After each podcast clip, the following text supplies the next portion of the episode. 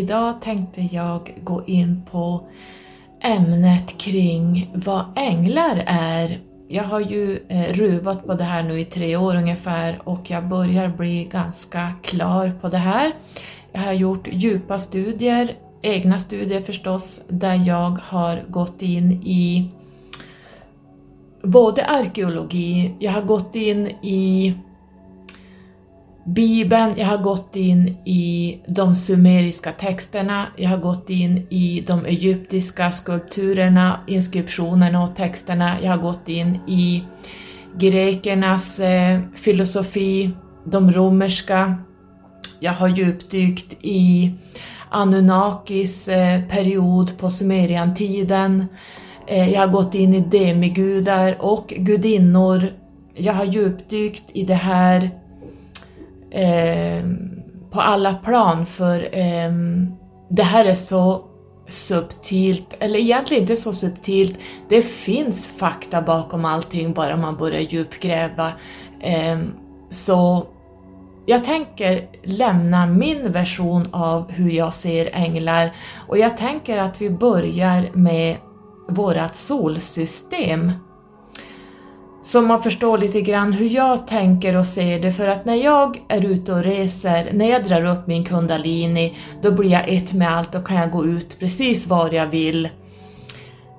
Och solsystemet ser jag som eh, solen är i mitten och sen har vi ut eh, våra planeter ut till Pluto och det kallar jag vårt solsystem, det är som ett slutet system med vissa energier och här har vi bara 3 och 4D dimensionen, eh, vibrationen, densiteten som jag ser det. I det här slutna solsystemet så regnar det ner energier från alla de här planeterna. Jag ska inte gå så djupt in i det, men jag tänker bara säga hur jag ser det. Att jag ser vårt solsystem som eh, ut till Pluto sträcker sig fram till, fjär, till, ut till fjärde dimensionen och inte längre.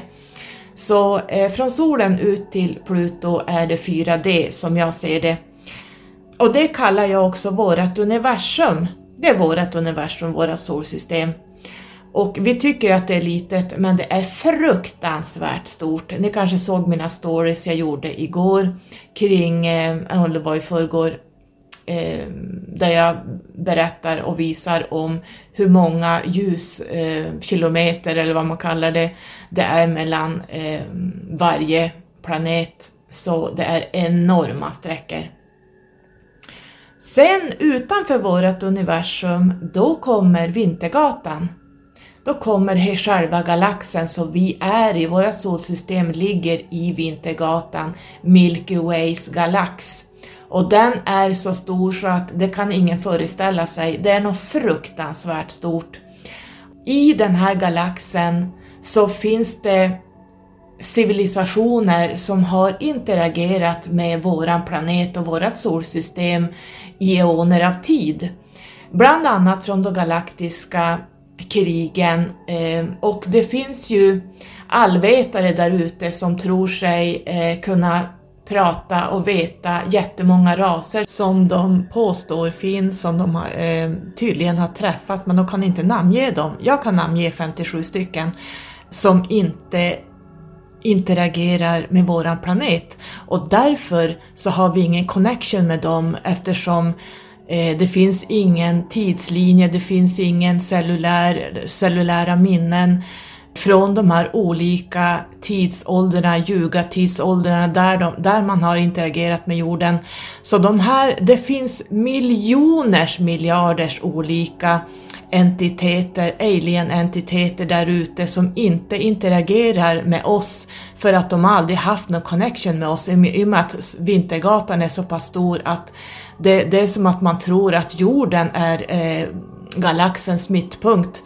Eh, det finns så många entiteter där ute som inte alls har någonting med jorden att göra och ändå sitter man och påstår att det är konstigt att eh, eh Starseeds och människor här inte pratar om andra civilisationer än Arcturians eh, Andromeda. Andromeda tillhör ju för sig Andromeda-galaxen men de har interagerat i de här krigen så därför har de en connection med jorden.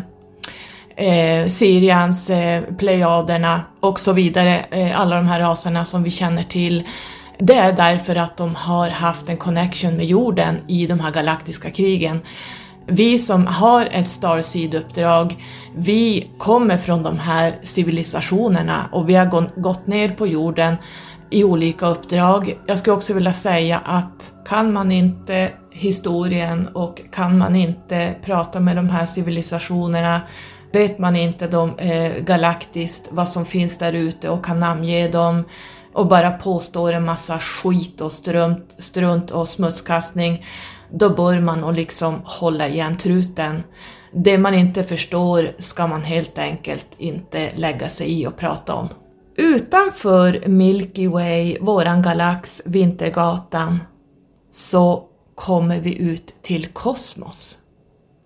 Då förstår ni skillnaden på när man reser. Först är man inne i vårat universum som sträcker sig ungefär ut till Pluto, det kan vara lite längre. Eh, asteroidbältet har vi sen och sen har vi då galaxen. Och i den här eh, Milky Way-galaxen vi är i, då börjar man äntra in fem, femte dimensionen till nionde dimensionen. Så att eh, där Milky Way, Winter, Vintergatan, slutar, där har vi den högsta dimensionen på Milky Way. Är matematiskt, det här är numerologiskt, jag har studerat det här i många år och jag har räknat på det här, jag har lyssnat på matematiker, jag har kollat av Einstein, jag har kollat av Pythagoras, eh, alla de här eh, filosoferna, de har rätt i allt det de eh, vägledde för flera tusen år sedan. Sen efter Milky Way slutar i nionde dimensionen, där är det oneness, här, är, här finns det inga polariteter, här finns det bara ett varande, ett tomrum kan man säga, där man är ingenting, man är allting. Det blir lite mörk materia här. Sen startar det om igen när man kommer ut i kosmos. Och här är det lite svårt att hålla reda på vad som kommer, eh, men jag ser det som att man startar om, startar om med 10D efter Vintergatan, för då byggs det på någonting nytt från Oneness. Det här är jättesvårt att förklara. Det är väldigt subtilt, det är väldigt matematiskt, det är väldigt um, eh, dimensionellt uträknat, vibration, vibrationellt eller hur man säger. Um, time, time, space måste man också räkna. Eh, man måste räkna ljus, eh, ljusets hastighet, man måste räkna på allting. Och jag har suttit med det här väldigt många år så att eh, det är precis så jag ser det. Och den som inte håller med behöver inte hålla med. Eh, man behöver inte kasta skit på vad andra gör, säger och tycker, utan eh, jag tycker man ska hålla sig till sitt eget och förstår man inte eh, det här så kanske man bara ska vara tyst.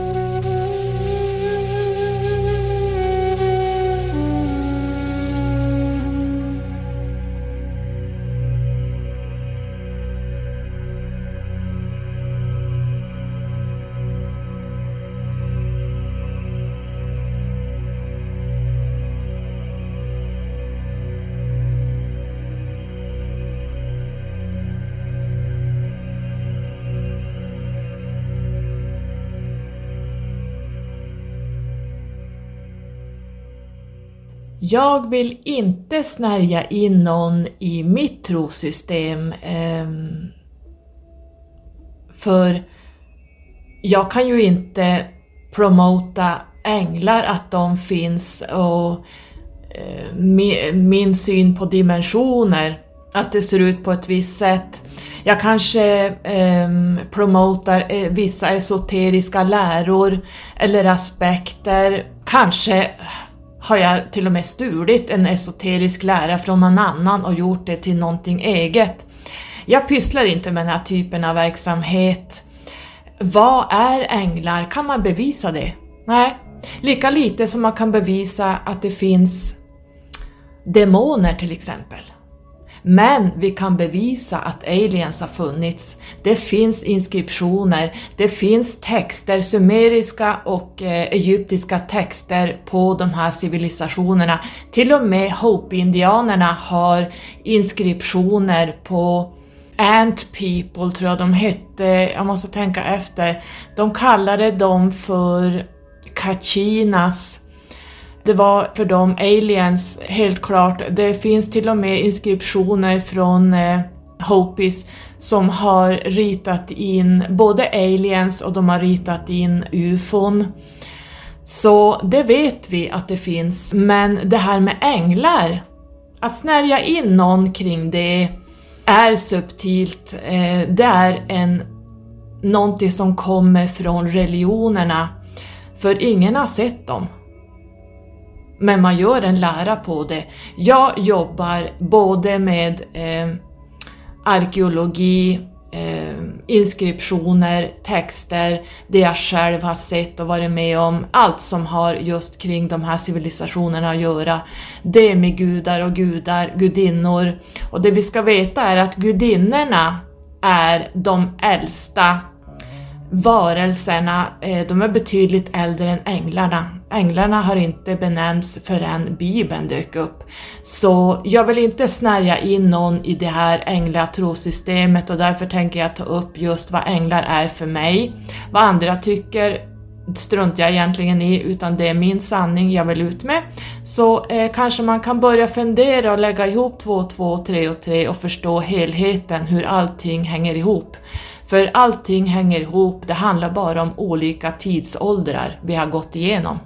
Om vi ska prata om änglar så ser vi dem först dyka upp i Bibeln och där benämnde man bara två eller tre stycken och de hade inte ens vingar.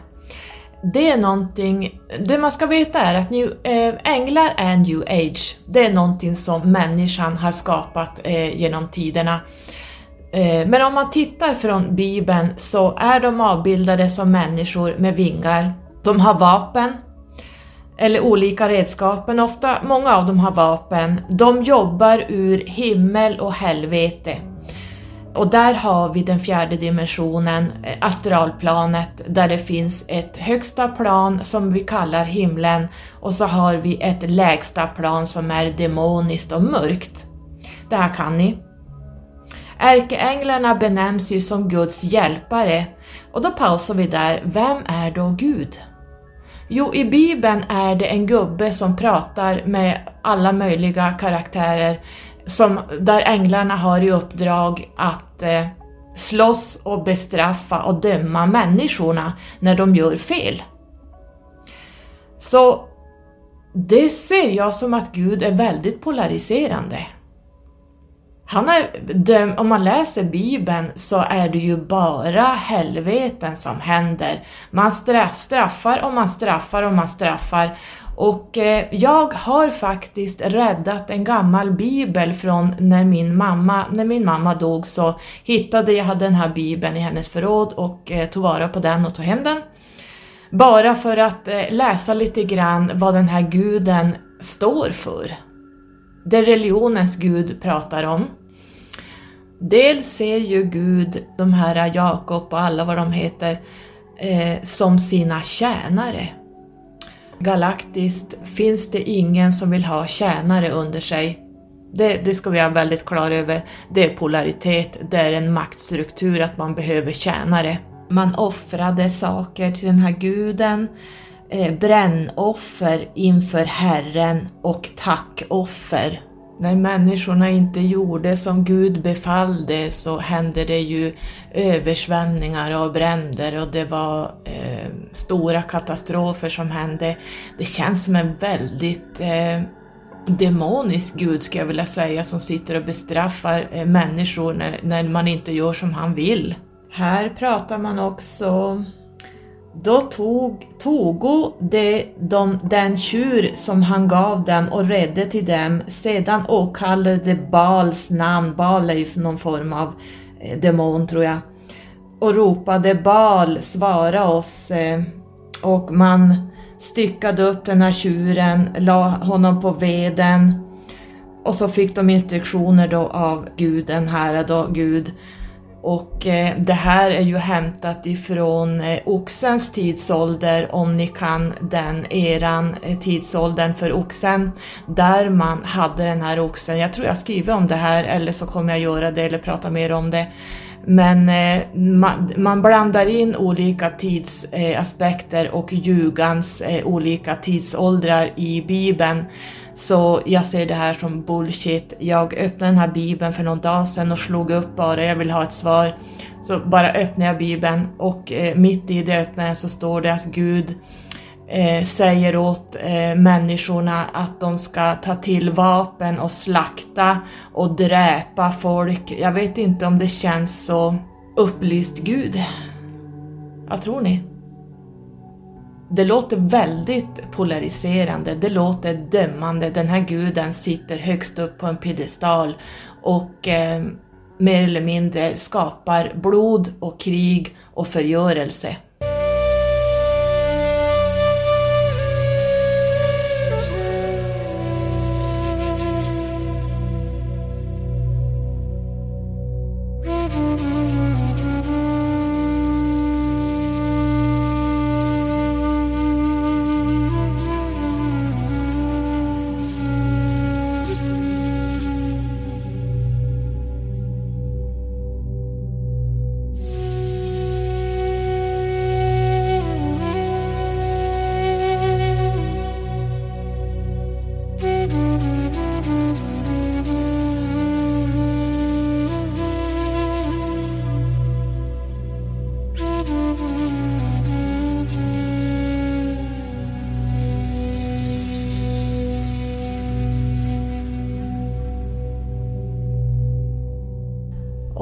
Fortsätter med ärkeänglarna så ska ju de vara Guds eh, hjälpare.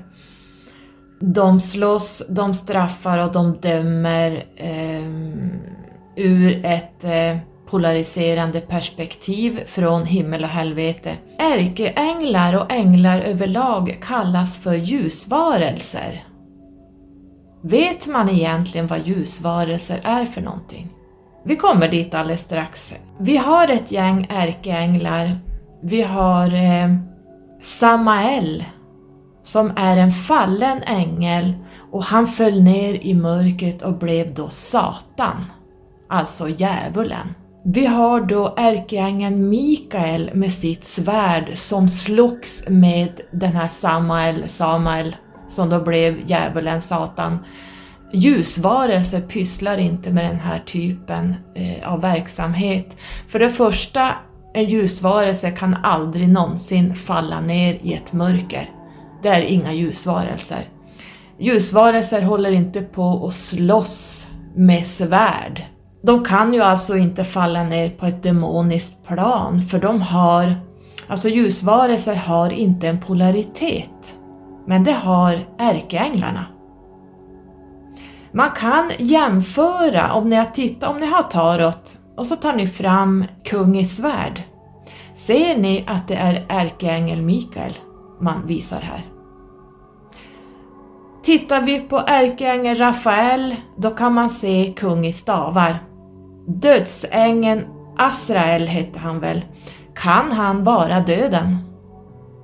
Samtidigt så ärkeängeln Mikael var ju de som, eh, han var ju också kallad som dödsängel så att eh, det blir lite, det finns både en dödsängel, Azrael, och så var eh, ärkeängeln Mikael också en dödsängel och han slogs ju med sitt svärd och dräpte ut eh, saker som eh, röj, röja undan saker och ting. Samtidigt så har vi ju olika tidsåldrar.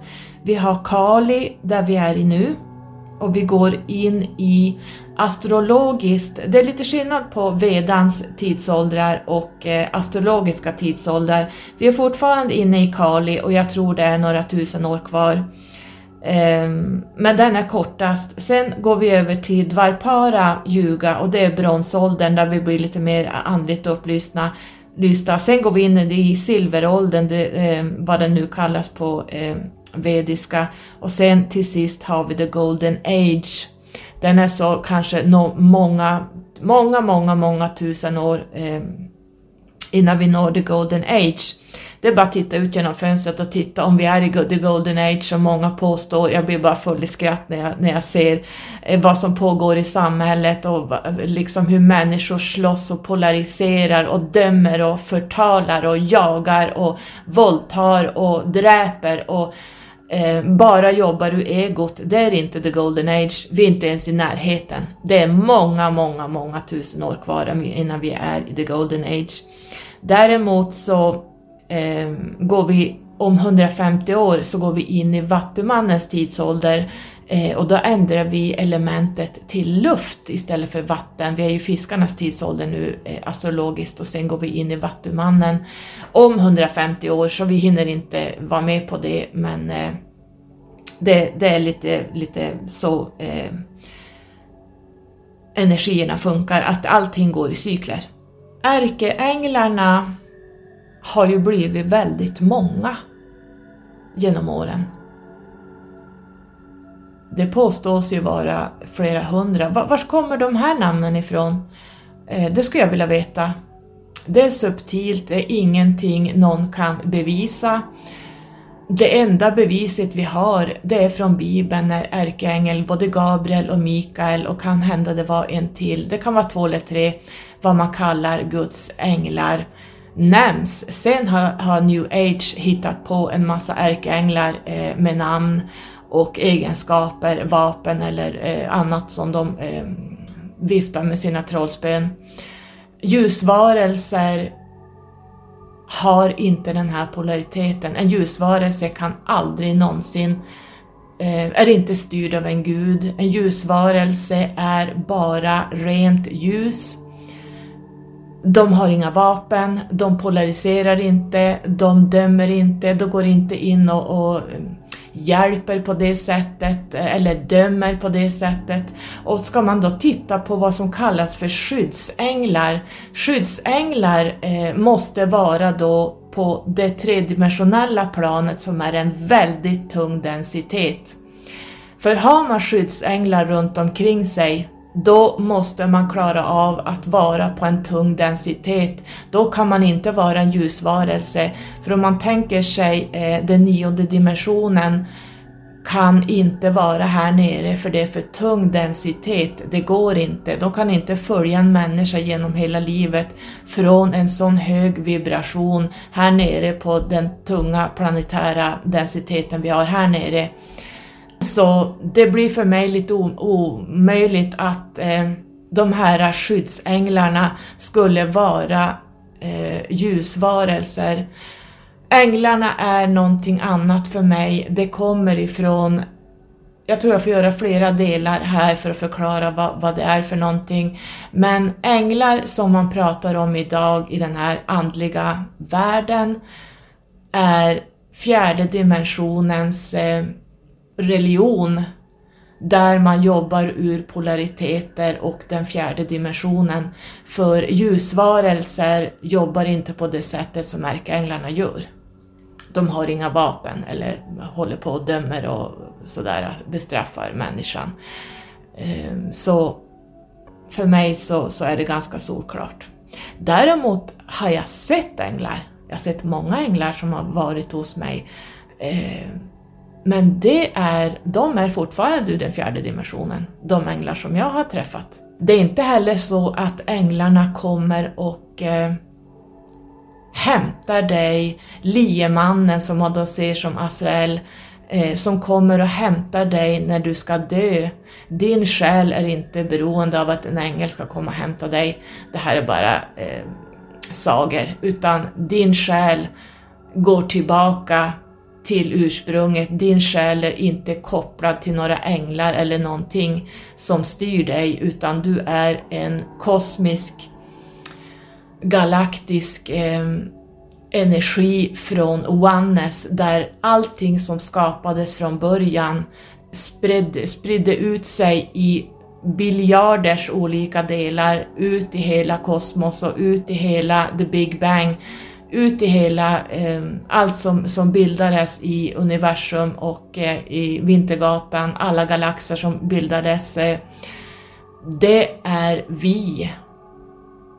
Så det här med änglarna, det, det har jag lagt ner och jag skulle vilja eh, prata lite mer om hur jag ser änglarna. Allt det här handlar ju egentligen om olika tidsåldrar där det finns eh, bevis från sumererna, Anunnakis, eh, när de kom ner på eh, Sumeriantiden, de egyptiska semigudarna och aliens och grekiska gudarna, romerska och gudinnorna och sånt. Och de här har ju lämnat spår efter sig som arkeologer och andra undersökande eh, personer hittar bevis på vad som har funnits här och Bibeln har i den här romerska eh, krigen eh, där romarna, romarnas herravälde krigade. Det påstås, det finns till och med texter där det påstås att det är romarna som har skrivit Bibeln för olika agendor för att styra folket åt ett visst håll.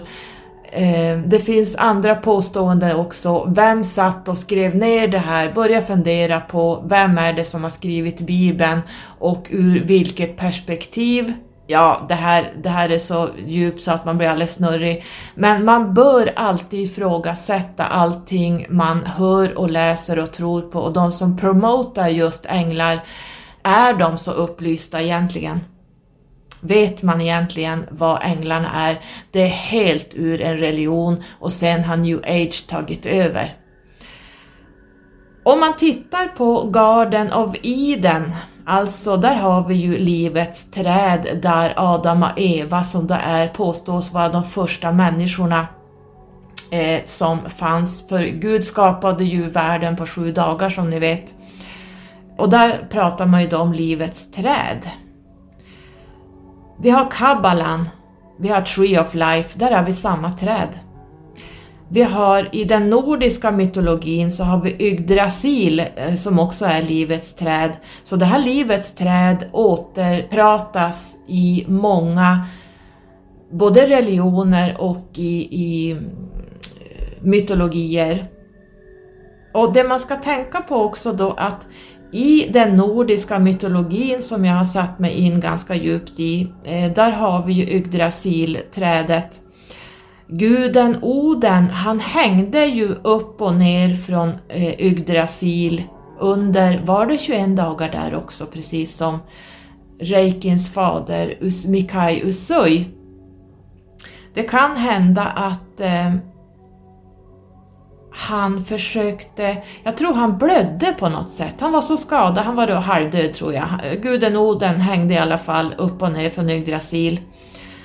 Och i kortet, i tarotkortet, eh, har vi The Hanged Man, den hängde mannen som hänger upp och ner från ett träd. Där har vi guden Oden som hängde från Yggdrasil och de här texterna kommer för 3000 år sedan. Så de är ju äldre än vad Bibeln, eh, kristendomen är. Vi har också de tre gudinnorna som väver under Yggdrasil. Det här är ju jätte, jag ska inte gå in på den nordiska mytologin, men allting hänger ihop med tidsåldrar, med astrologiska tidsåldrar och ljugans tidsåldrar som eh, skrivs om till andra och nya sanningar. Men jag ser i alla fall tarot har väldigt mycket ärkeänglar som man då sätter som eh, kungar, kungsviten. Eh, ärkeängeln Mikael är kung i svärd, ärkeängeln Rafael är kung i stavar. Eh, jag ser döden som eh, ärkeängel Azrael och eh, vi har The Hanged Man, alltså den hängde mannen, är guden Oden som hängde från, upp och ner från Yggdrasil.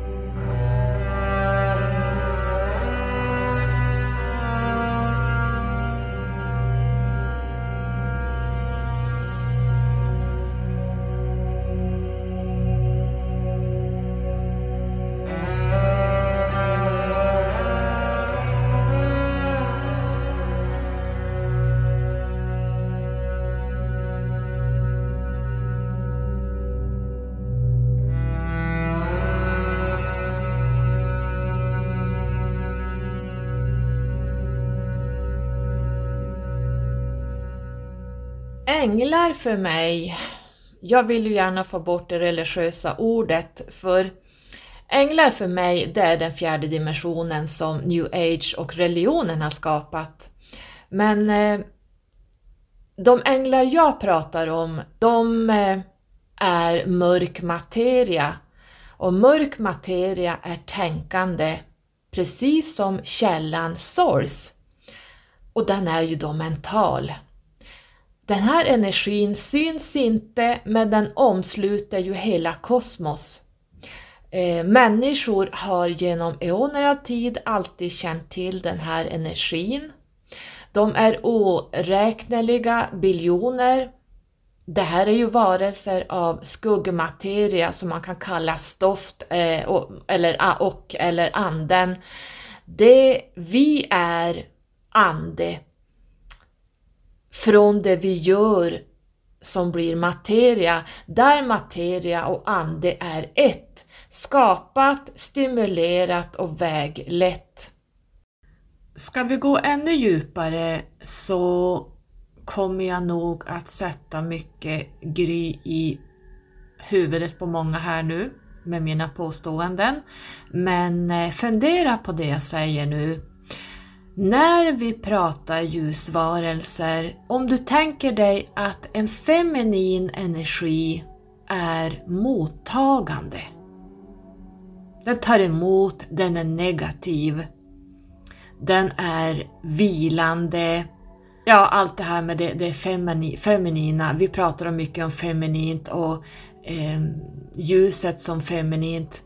Men jag ser ljusvarelser som mörk materia och jag ser den mer maskulin, det vill säga yang-energi. Den är manifesterande, den är genomträngande. Tänk dig solen som tränger igenom hela kroppen, den tränger igenom atmosfären, den tränger igenom allt levande och till och med det som inte är levande. Den tränger igenom ungefär som reiki-energin. Reiki-energin ser jag också som en, en eld, maskulin energi som eh, egentligen står för solen. Det här är ju väldigt kvantfysiskt, jag hinner inte gå in på det idag. Men eh, jag ser för att en ljusvarelse ska kunna ge den här energin till våran planet så måste den någonstans ha en maskulin yang-energi därför att en feminin ljus energi Egentligen så, så ljus energi är egentligen maskulin. Det, ljuset är egentligen maskulint. Förstå, hänger ni med mig här hur jag tänker? Att eh, vi pratar mycket om det feminina, att det mottagande, men egentligen så när vi pratar om ljusvarelser och den energin vi kan ta ner och kanalisera healing och allt sånt, den är maskulin som jag ser det. Det är en yang-energi som tränger igenom. Tänk dig solen och så tänker du dig månen. Om vi bortser från att månen är en satellit Månen är ju helt ihålig och den är helt död egentligen. Eh, det, det, vi vet vad månen är, den bevakar, den är ett eh, Eh, det finns eh, hela månen ihålig där man jobbar inuti, inuti månen. Jag lyssnar på avsnitt när jag pratar om månen så förstår ni mer vad jag pratar om. Men om vi bortser från att månen är eh, en satellit och eh, en arbetsstation, man kan säga att den är ett stort UFO så sägs det ju att månen är mottagande och många pratar ju om att månens energier, det månen har inga energier whatsoever. Månen är helt död och månen är negativ, den är feminin medan solen är maskulin. Så när solen står i grader mot något eh, stjärntecken, soltecken, alltså solen står mot vågen, vi har ju en fullmåne imorgon i vågens tecken, då är det den energin som strålar ner via solen förbi månen som är en mottagare, den är en, en sändare, ungefär som en bergskristall, den sänder, jag har pratat om det här tidigare men vi tar det igen, eh, månen är negativ, den tar emot den här energin från solen och sänder den vidare ner på jorden. Så månen har själv ingen energi whatsoever. Den är feminin och mottagande medan Solen är en doer, den är mani manifesterande, den är genomträngande och samma sak ser jag de här ljusvarelserna att de är yang-energi. De är manifesterande, genomträngande för annars skulle det aldrig kunna regna ner någon energi från kosmos, universum, ehm, allt det här vi tar ner olika energier ifrån. Det går inte från en feminin negativ energi som är en mottagare. Så jag skulle vilja att ni funderar lite grann på det här med mörk materia, yang-energin, att den är inte så dålig som folk försöker promota, att det är bara feminint som gäller. Feminint, eh, det händer inte så mycket runt omkring det feminina, det är mer inåt, mottagande. Ja, ni kan allt det här med, med feminint, jag skulle ha skrivit upp det här, eh, men eh, jag ville bara ha det sagt att eh, fundera på de här energierna, vad de har för element med sig. Så tror jag ni börjar förstå vart jag vill komma. Så i vårat Eh, solsystem, vårat universum, så är solen yang, solen är ljuset. Och går man utanför våra solsystem så krävs det ljuset där uppe är maskulint, det är eh, yang-energi för att överhuvudtaget kunna sända ner till oss. Eh, månen är en, en död planet, eller det är inte ens en planet, det är en satellit. Den räknas egentligen inte ens in i astrologin tror jag, eller är det astronomin? Den räknas inte in när man räknar pla planeter. Jag kommer inte ihåg om, om, om det var astrologin eller om det var astronomin, men den, den räknas inte som en planet utan det är bara ett skrot som ligger och hänger där helt död utan energier. Den blir mer en sändare vidare till Moder Jord och Moder Jord, våran planet, Gaia, hon är feminin och är mottagande till från solen, ljuset. Ljuset är maskulint. Och jorden är feminin så, kunna, så hon ska kunna ta emot det här eh, ljuset, den här energin som kommer ner.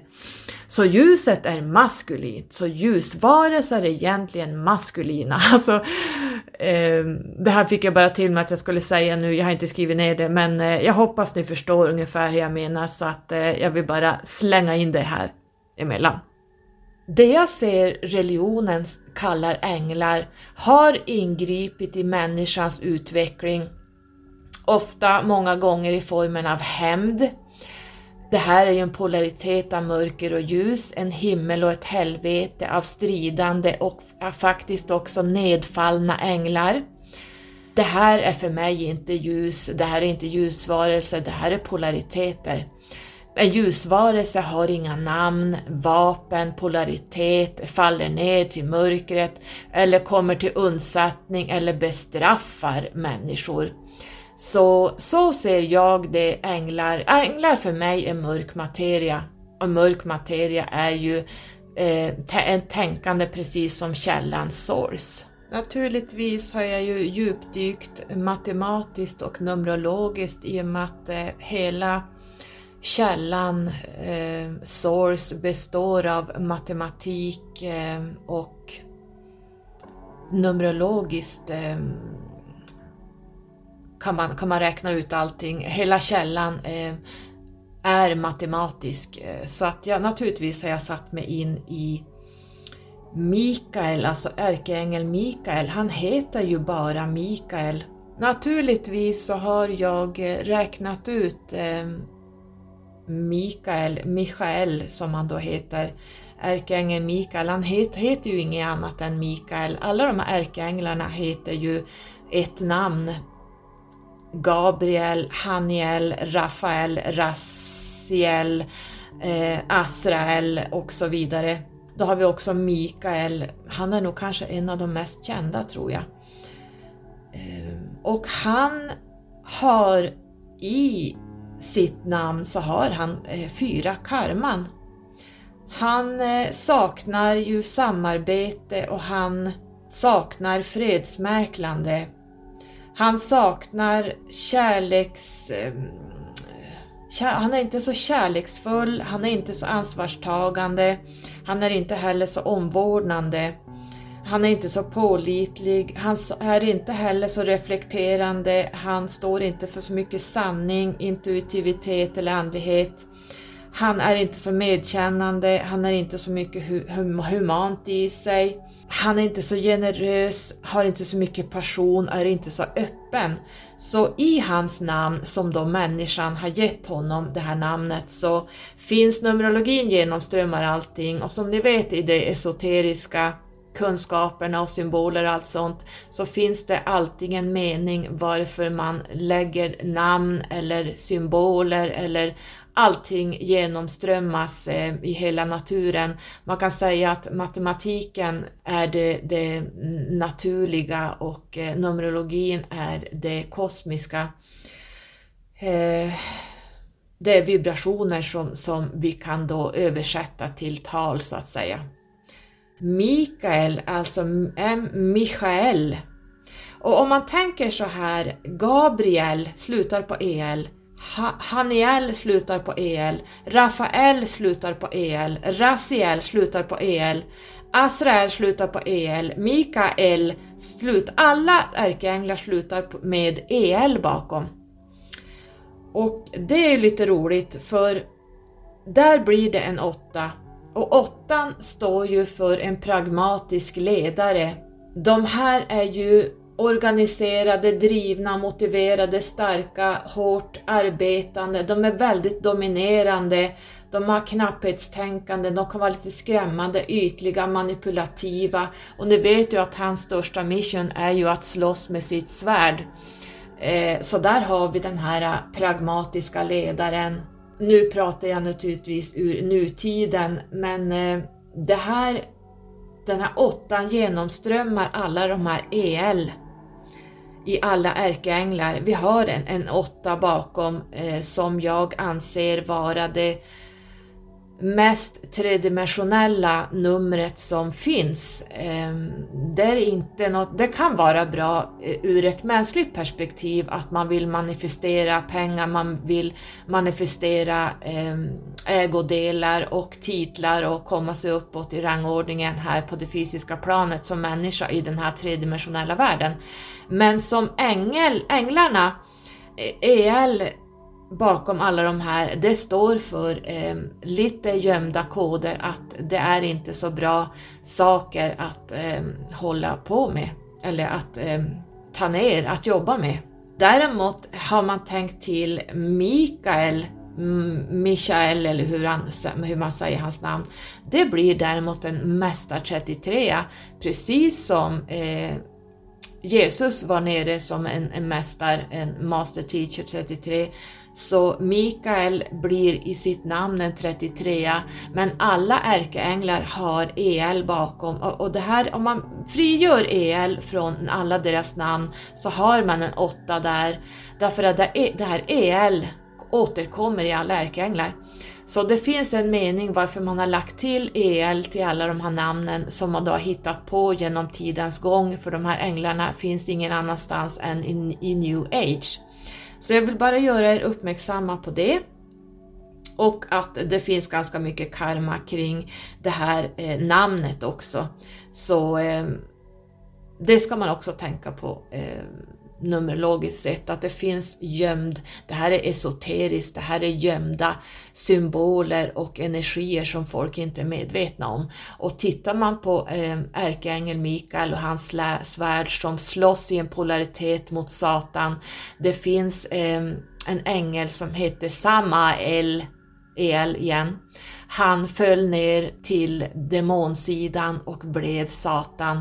Så eh, EL återkommer i alla ärkeänglar. Jag har ju även djupdykt lite grann i eh, judendomens skrifter också, där vi har Toran. Eh, som är en lång rad av siffror och där numerologin sägs vara en kod från Gud. Jag ser ju inte Gud som någon gubbe som religionen pratar om, utan numerologin för mig är en kod från galaktiskt, eh, från hela alltet, källan. Tittar man på Edens lustgård, Kadem, i siffror så blir det 144. Vi har kunskapens träd i lustgården, Ejuits Hashaim, jag kan inte uttala det, som blir 233. Så vi har 144, 233 som blir Fibonacci-talen. Allt hänger ihop. Allt går att räkna ut. Så delar man 144 med 233 så närmar man sig teta, det vill säga den grekiska symbolen för den gyllene spiralen. Egentligen alla spiraler, men det kallas för den gyllene spiralen teta. Numerologin är ju kosmiskt språk. Medan matematiken är naturens språk allting runt omkring oss kan visas och förstås genom siffror. Det gäller bara att omvandla det här, för det här är koder från källan. Man kan rita en kurva av siffrorna i ett system så framträder ett mönster. Eh, och det finns, där, alltså det är därför det finns mönster överallt i naturen. Man brukar säga så här att så fort man eh, bortser från vetenskaplig säkerhet är du inte längre matematiker, då är du numerolog. Det finns ju två snubbar som jag följer, eller egentligen tre snubbar, men framförallt två, som jag diggar, eh, som jag mer eller mindre är kär i. Och den första heter då Pythagoras. Han eh, kom ju då på att universum och galaxen Eh, hela källan består av siffror. Hans stora insats var ju det gyllene snittet. Det visas lättast genom den gyllene triangeln som jag använder hela tiden. Ehm, visuellt har figuren då en vacker jämvikt mellan längd och bredd.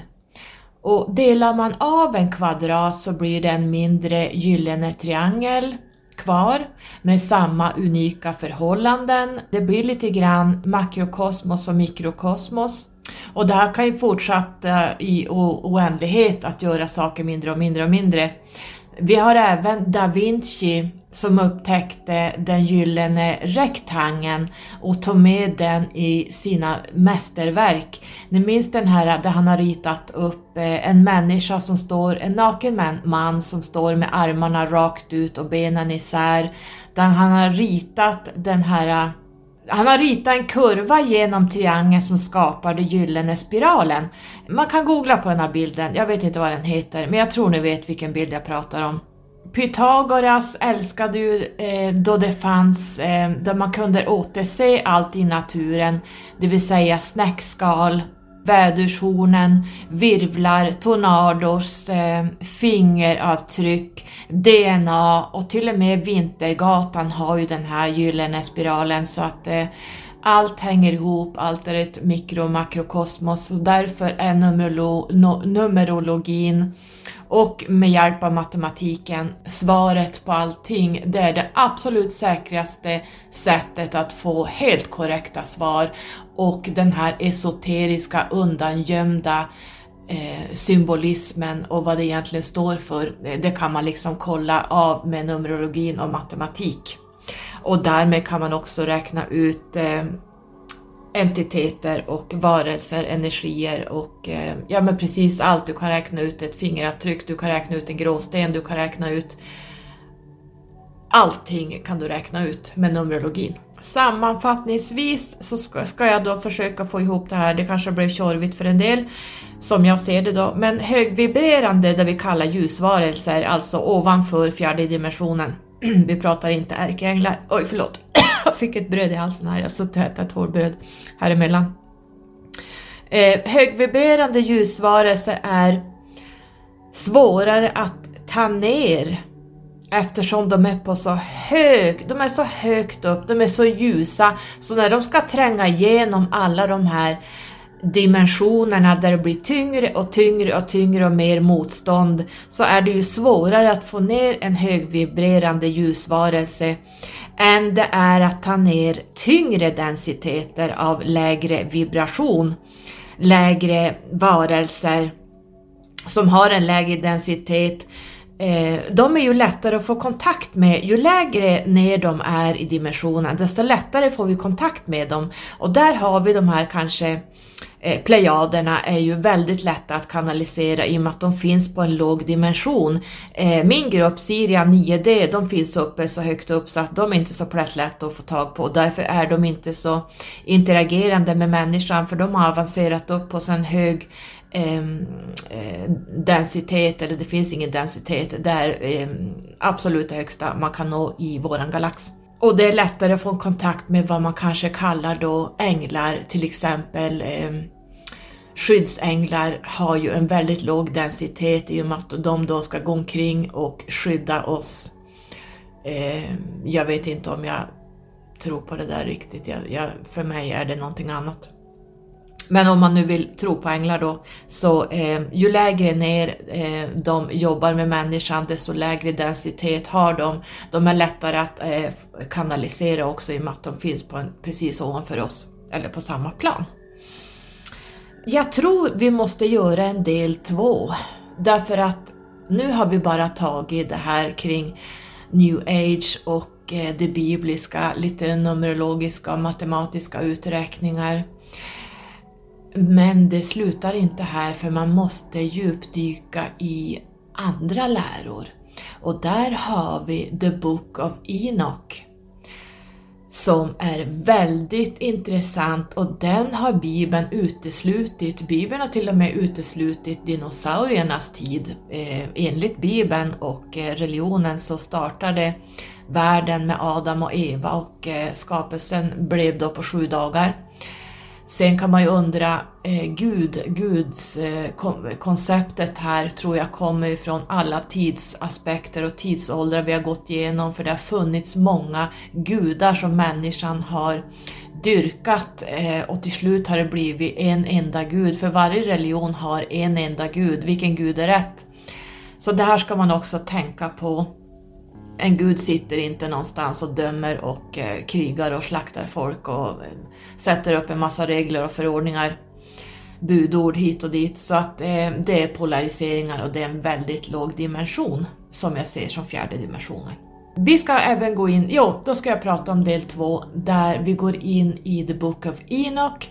Vi ska gå in i The Missing Link, länken som fattas och det är Anunnaki som kom ner på Sumerian-tiden. Här kan vi prata änglar eh, med vingar på riktigt.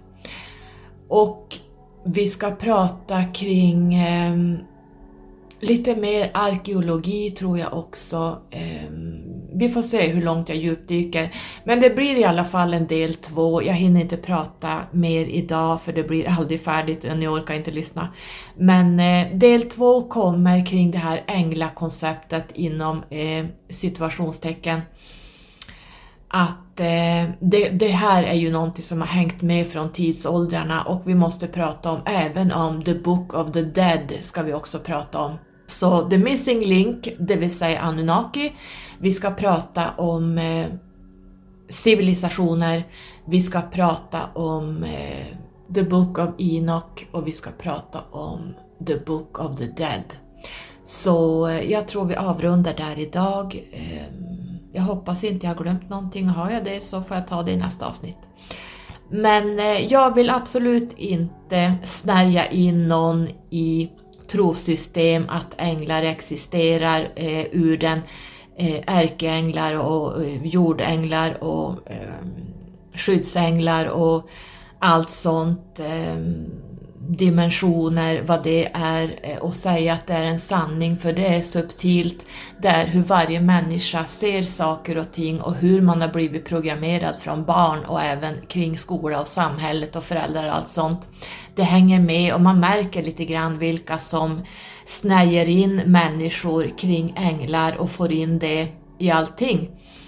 Medan jag säger motsatsen och det är min sanning. Jag försöker inte snärja in någon utan jag försöker att få människor att se saker ur andra perspektiv än eh, den här tidsåldern vi är i nu. Eh, fiskarnas tidsålder med den här religionen. Eh, på, på, the golden age fanns det inga religioner på den, på den tiden så att ni förstår, vi har långt kvar att jobba. Så jag försöker liksom eh, få er att bli medvetna.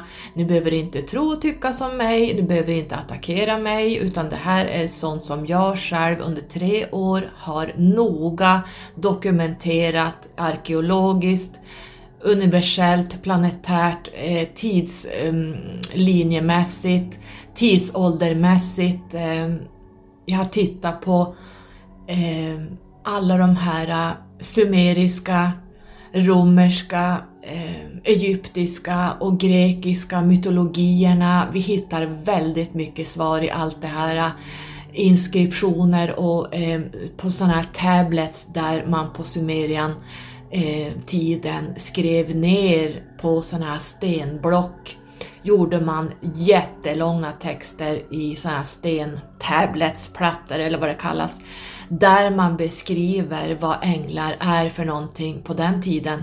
Så eh, jag vill bara ge min version och min aspekt och jag eh, har min, min, mina åsikter och det jag har djupdykt i och det står jag för till 100%. Så ni får ha en bra dag och ni hittar mig som vanligt på letskyrocket.se. Jag finns på Instagram under samma namn och jag finns här på podden Endast Podcast. Ha, nu är jag klar! Ha en bra lördag hörni, så syns vi någon annan gång. Pussen och kramen! Hej då!